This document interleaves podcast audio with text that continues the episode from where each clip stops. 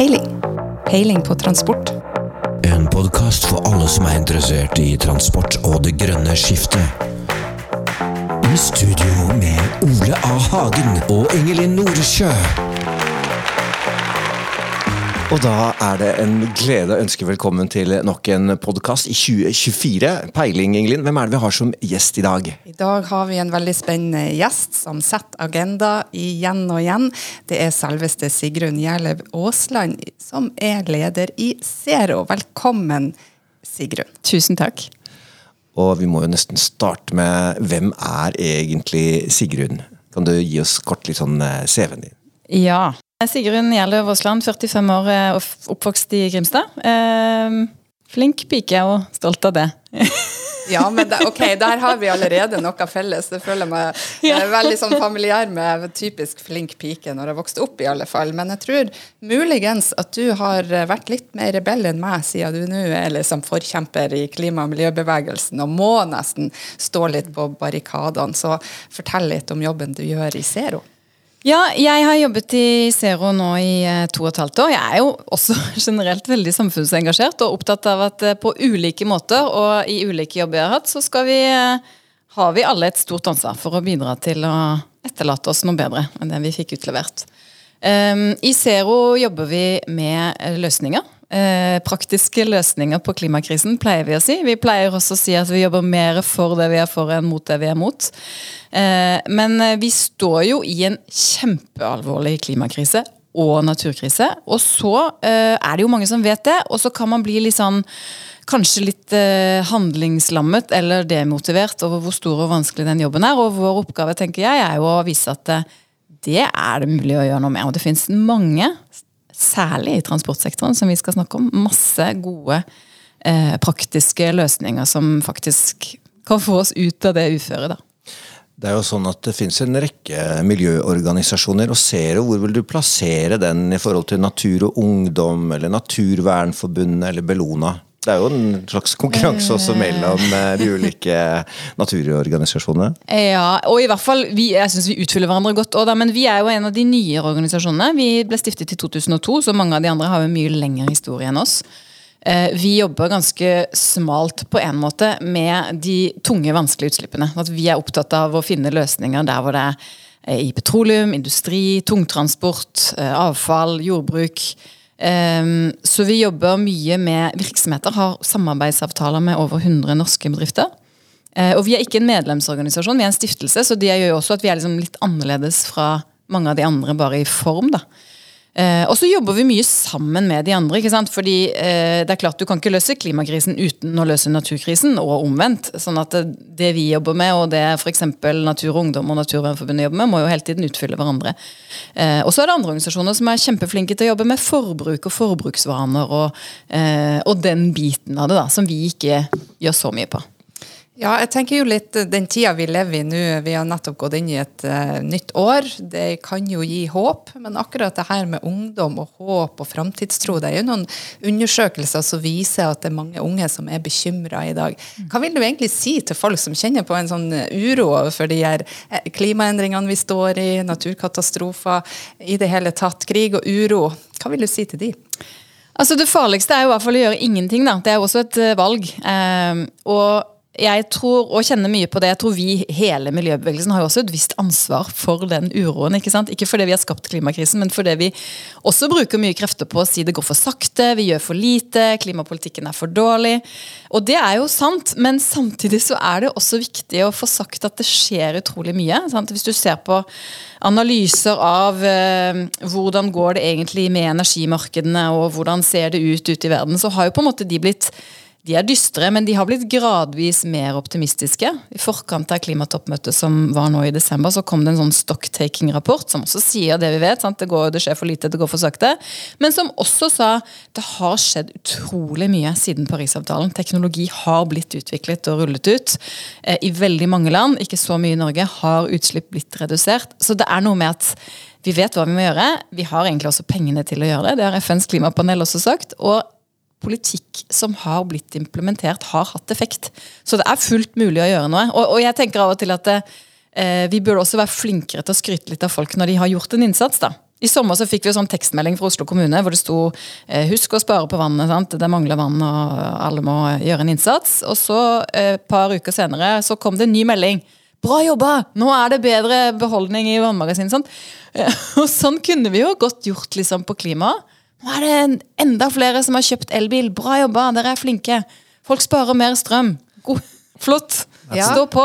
Det er jo vanskelig å få eh, media til å skryte ja, og gi kred. Eh, så krise og katastrofe funker jo bedre. Og det er jo her vektleggingen, kanskje. Vi var jo innom dette på årskonferansen hvor utenriksminister eh, Barth Eide mm. ble spurt om går det bra eller går det ikke så bra. Så sier han at ja, men det er egentlig en del ting som går bra. Montreal-avtalen går bra. Det er veldig mye bra når det gjelder enigheten i COP osv. Så, videre. så Um, man må kanskje vektlegge mer også det som faktisk går bra, så ungdommen ikke da får uh, inntrykk av at alt er uh, forferdelig. Men du, jeg har ett spørsmål først. Uh, vi kjenner jo godt denne Erik Sauar, som er mm. styreleder i Zero. Ja. Um, hvis vi spurte Erik, hva ville han si om egenskapene til Sigrun? Hvorfor skal hun være i Zero? ja, det må du jo nesten spørre han om, da. Men jeg håper jeg har jo det. Du har gjort det. Da kan vi jo sjekke om jeg har rett, da.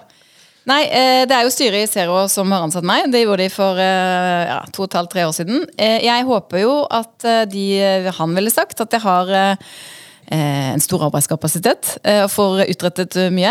Jeg er veldig stolt av at vi har en organisasjon som jobber med et ganske tungt og vanskelig tema, men der folk har det veldig bra. Eh, så en eh, motiverende eller inspirerende eller på en eller annen måte engasjerende leder håper jeg han ville si at jeg var. Jeg vil jo føye til kanskje produserende leder. Eh, vi går gjennom hva du har gjort og drevet med, så skaper du jo masse innhold. Du ja. produserer tekster. Vi kalte deg når vi så den her, kronikkdronningen. var over 18 kronikker i, i, Dagens Næringsliv. Innen klima, Er det vanskelig å finne på noe nytt å skrive om når det gjelder utfordringene framover for klimasaken? Nei, Egentlig så er det jo ikke det. Altså, det er ofte, I Dagens Næringsliv er jeg så heldig at jeg får skrive fast, så da må jeg jo liksom, jeg må levere på en gitt dato. Og da kan det jo av og til være sånn hva, hva, skal, vi, hva skal jeg si nå? Men eh, klimasaken er så full av dilemma, av eh, frustrasjoner, av muligheter, av interessante debatter. Og av debatter som jeg ofte liksom synes åh oh, nei, det er feil vinkling, det er ikke sånn, vi må snakke om det sånn. Eh, så det er egentlig mer enn nok å fylle mange spalter med, og jeg er glad i å skrive. Det er veldig bra. Og eh, jeg tenker at eh, nå har vi vært inne på litt det her med håp og framtidstro. Vi må inn litt sånn og snakke om hva vi faktisk kan gjøre. Og vi er jo særlig opptatt av transportsektoren. Eh, transportsektoren er Norges største utslippssektor. Og det er jo også et stort potensial for å redusere utslippene fra transport. Vi kjenner mange som driver med logistikk, jeg og Ole. Eh, vi kjenner mange som sitter bak rattet og kjører store, tunge biler. Noen er interessert i å kanskje gå over til det grønne skiftet. Andre tenker at dette er umodent. Mm. Hva er det du ser for deg er liksom uh, løsninger for transportsektoren, og hvordan skal vi kunne omstille oss enda raskere enn det vi gjør i dag? Ja, Mye av det er jo umodent, sant? og det er jo hele kjernen i utfordringen med det grønne skiftet. At det må skje raskere enn det det modnes av markedet. Eh, den digitale revolusjonen skjer fordi det kommer billigere og bedre teknologi, og alle bare kaster seg over den. Mens her, liksom, her må vi rulle ut en teknologi som i utgangspunktet er litt dyrere. Eh, og vi må gjøre det fortere enn vi ellers ville gjort. Men eh, vi har jo masse transportklimapolitikk som har virket. Sant? Innkjøp er kjempeviktig. Ferge Skiftet til elektriske ferger langs kysten i Norge har vært en kjempesuksess. Statens vegvesen og fylkeskommuner har vært modige. Eh, det har effekt. Elbilpolitikken har jo hatt kjempeeffekt. Det gjør jo nå at de store utslippene fra veitransporten er fra tungtransport. Eh, det som er utfordringene der. Sant? Det handler jo om pris, for det første. Det koster veldig mye mer hvis du er som du sier da, lurer på om du skal bytte til en elektrisk lastebil. Ja, Det er kjempeflott, men den koster jo to-tre ganger mer enn den på diesel. Um, og så må du i tillegg vite at du får ladet den. Så vi er jo opptatt av at det må være fortsatt støtte til å gjøre de innkjøpene. Uh, og vi vet at de, selv om mange er flinke, sant? Posten er flinke, Asko, Rema 1000 uh, men veldig mange lastebileiere i Norge. Jeg tror det er noe sånn Syv av ti har færre enn fem biler, så jeg et sted. ikke sant? Og da eh, da har du ikke kapital og muskler nødvendigvis til å ta det løftet, og da trenger du hjelp til det. Og så trenger du forutsigbarhet på at det blir lademuligheter, og der gjøres det jo mye nå, så det er veldig bra. Eh, men jeg tror både liksom tempoet i den utrullingen og utfordringene vi ser nå. Sant? Ja, eh, hva skjer når det blir kjempekaldt? Eh, hva skjer da med alle elbussene som vi har rullet ut veldig fort? Selvfølgelig er det noen utfordringer. Og så er det for øvrig også mange utfordringer med dieselbiler når det er så kaldt. Alt er vanskelig når det er så kaldt.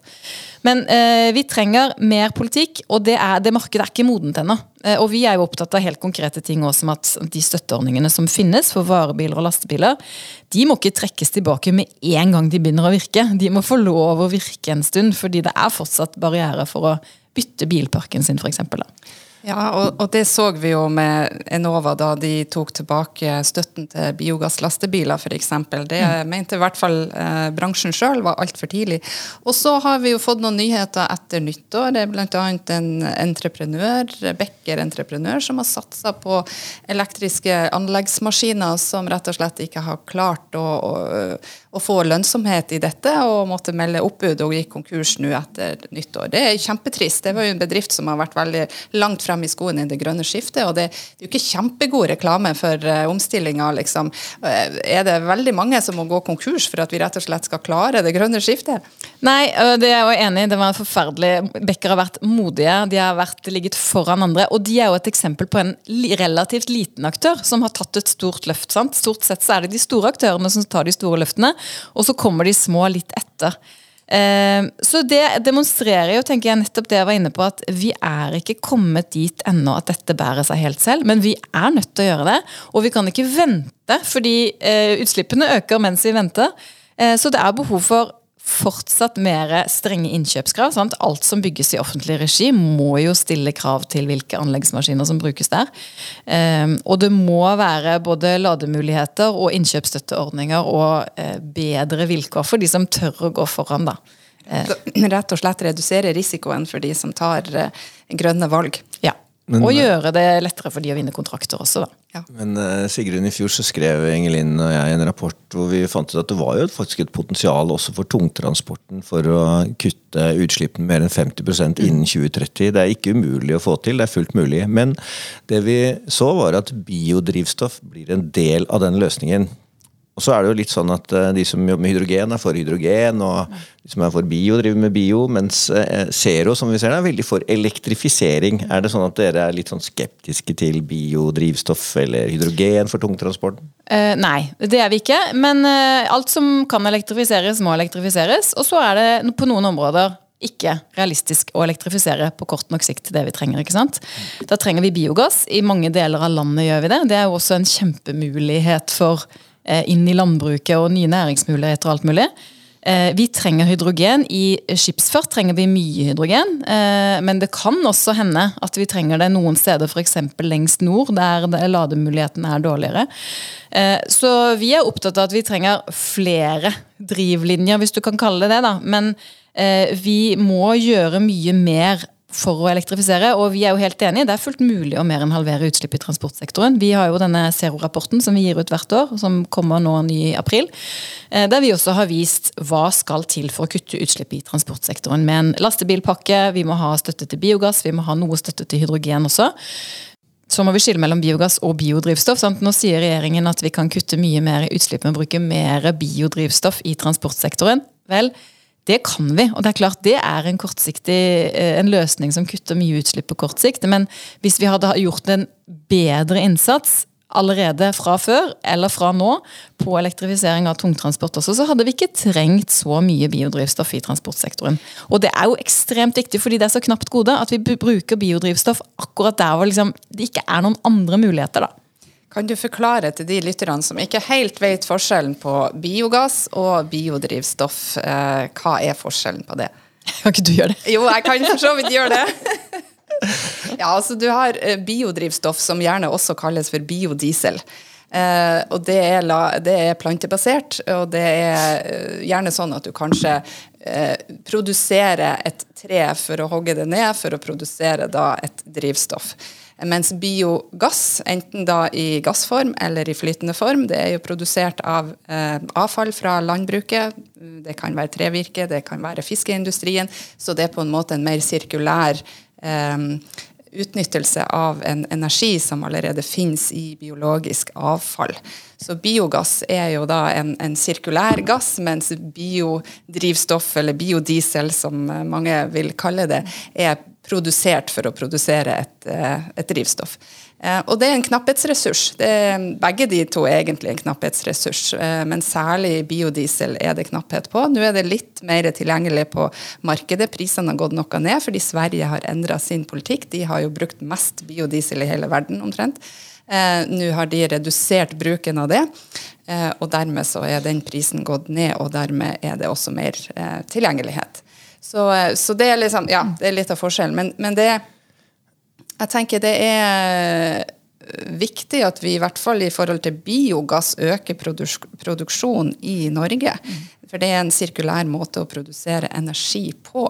Og hvis vi skulle gå litt sånn inn i biogassporet, da Det er jo noen konflikter òg knytta til det. Noen sånn lokalt syns at det lukter, og man er litt sånn uh, usikker på om dette er noe vi vil ha i vårt nærmiljø. Uh, og det, sånn er det jo gjerne med grønne løsninger. Mm. Det er sånn 'not in my backyard'. Uh, gjerne et sted, vindmølle og biogassanlegg og sånn. og andre plasser enn akkurat der jeg bor.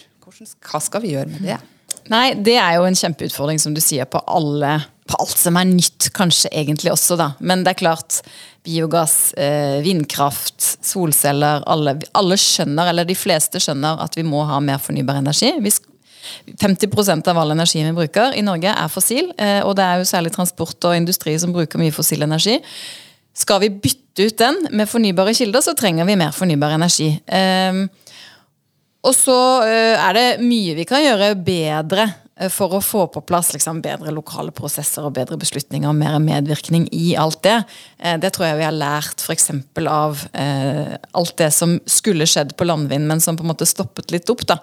At når du har en kommune som gjør et vedtak, og så tar det mange mange år før det faktisk kommer en vindmølle, og ingen var der og husker at de var med og gjorde det vedtaket, og ikke kommer det noe særlig skatteinntekter til kommunen og, og sant?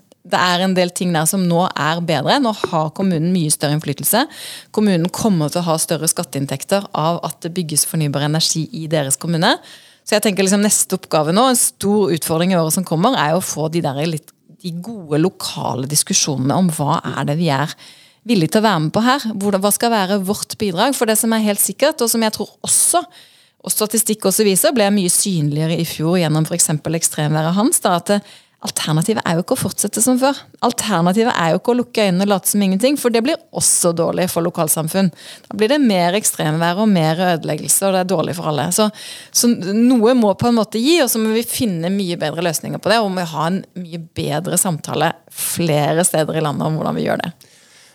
Eh, I NHO så har vi et prosjekt som vi kaller Mobilitet 2040. Vi prøver å se enda litt lenger fram. Eh, vi har jo vært innom det at potensialet er egentlig ganske stort for landtransporten. På varebiler og elbiler så er vi i mål eh, i 2040. For busser så er vi i mål. altså Ruter var vel nullutslipp i 2023. Og for lastebil og tungtransporten så ser vi også at det er et stort potensial. Er det sånn vi kan slå fast allerede nå at i 2040 så er dette problemet egentlig løst?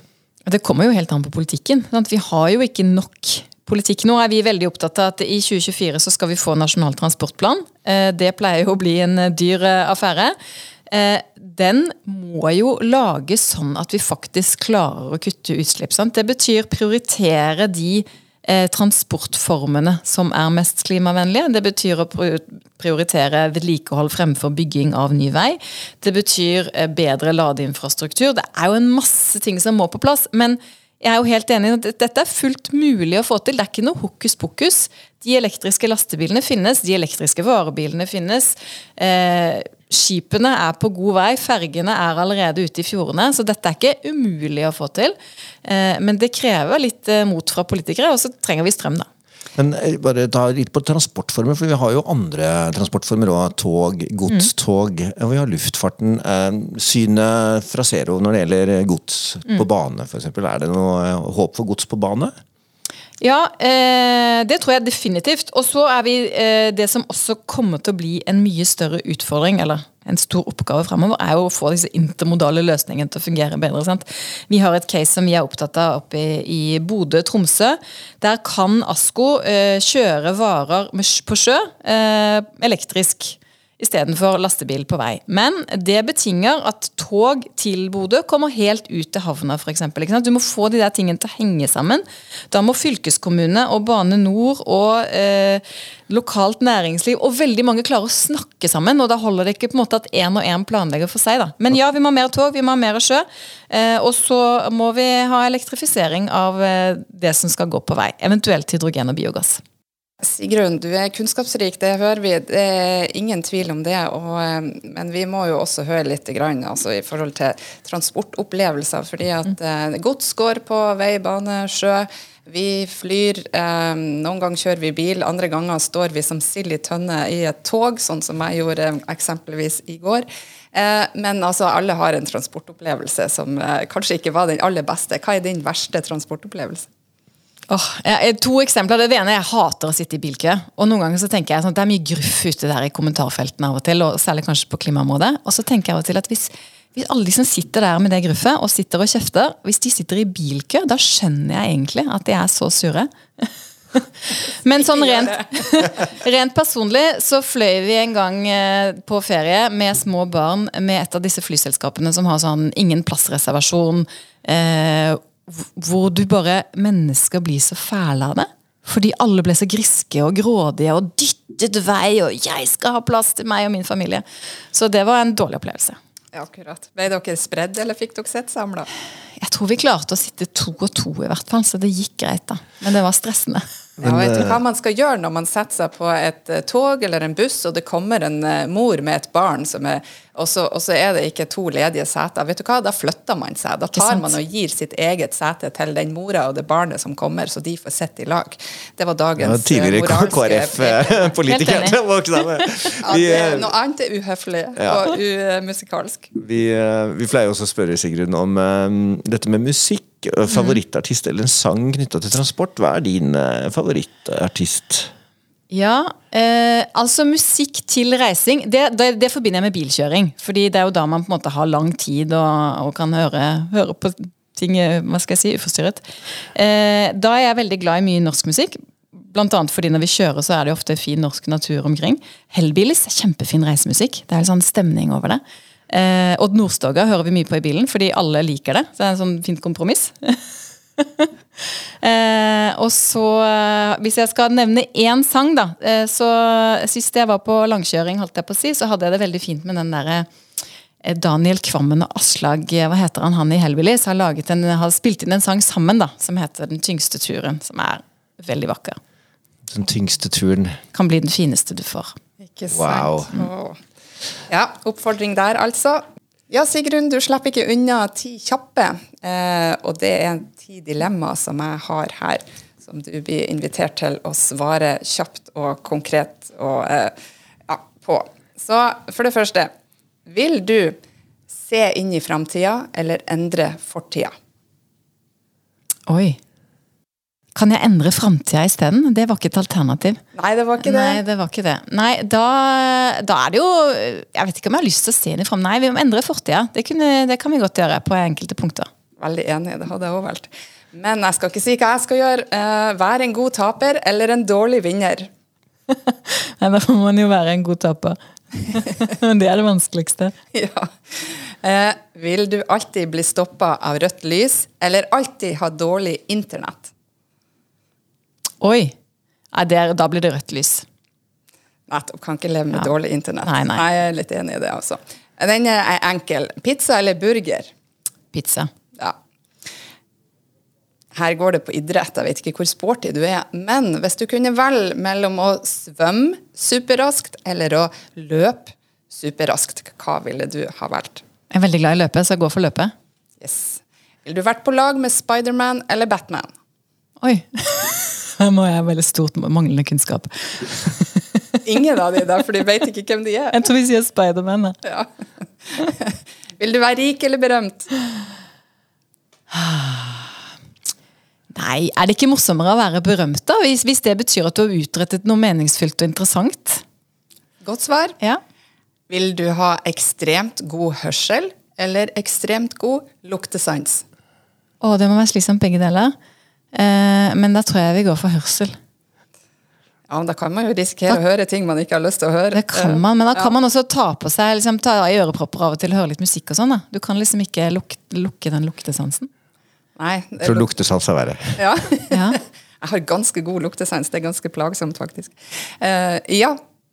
Alltid være litt for varm, eller alltid være litt for kald. Oi. Litt for kald. Ja. Jeg er vintermenneske. Så du går på ski og Ja, det, vil heller at det skal være litt kaldt, ja. Eh, og den her er litt koselig, da. Vil du synge på alle sanger som du hører, eller danse til alle sanger som du hører? Synge. Synge! Ja. Veldig bra. Nettopp, Veldig nettopp. bra. Du skal få synge en gang med Ole. Han er veldig flink til å synge. Tar deg med i studio. Jeg sa ikke at jeg var flink, men jeg er kanskje flinkere enn å danse. da. Veldig, veldig bra. Eh, Det er sånn at eh, det er alltid fantastisk å ha deg i studio, Sigrun. Men eh, nå må vi dessverre runde av og si tusen takk for at du tok deg tid til å komme til oss i dag. Tusen takk for at jeg fikk komme. Peiling. Peiling på transport. En podkast for alle som er interessert i transport og det grønne skiftet.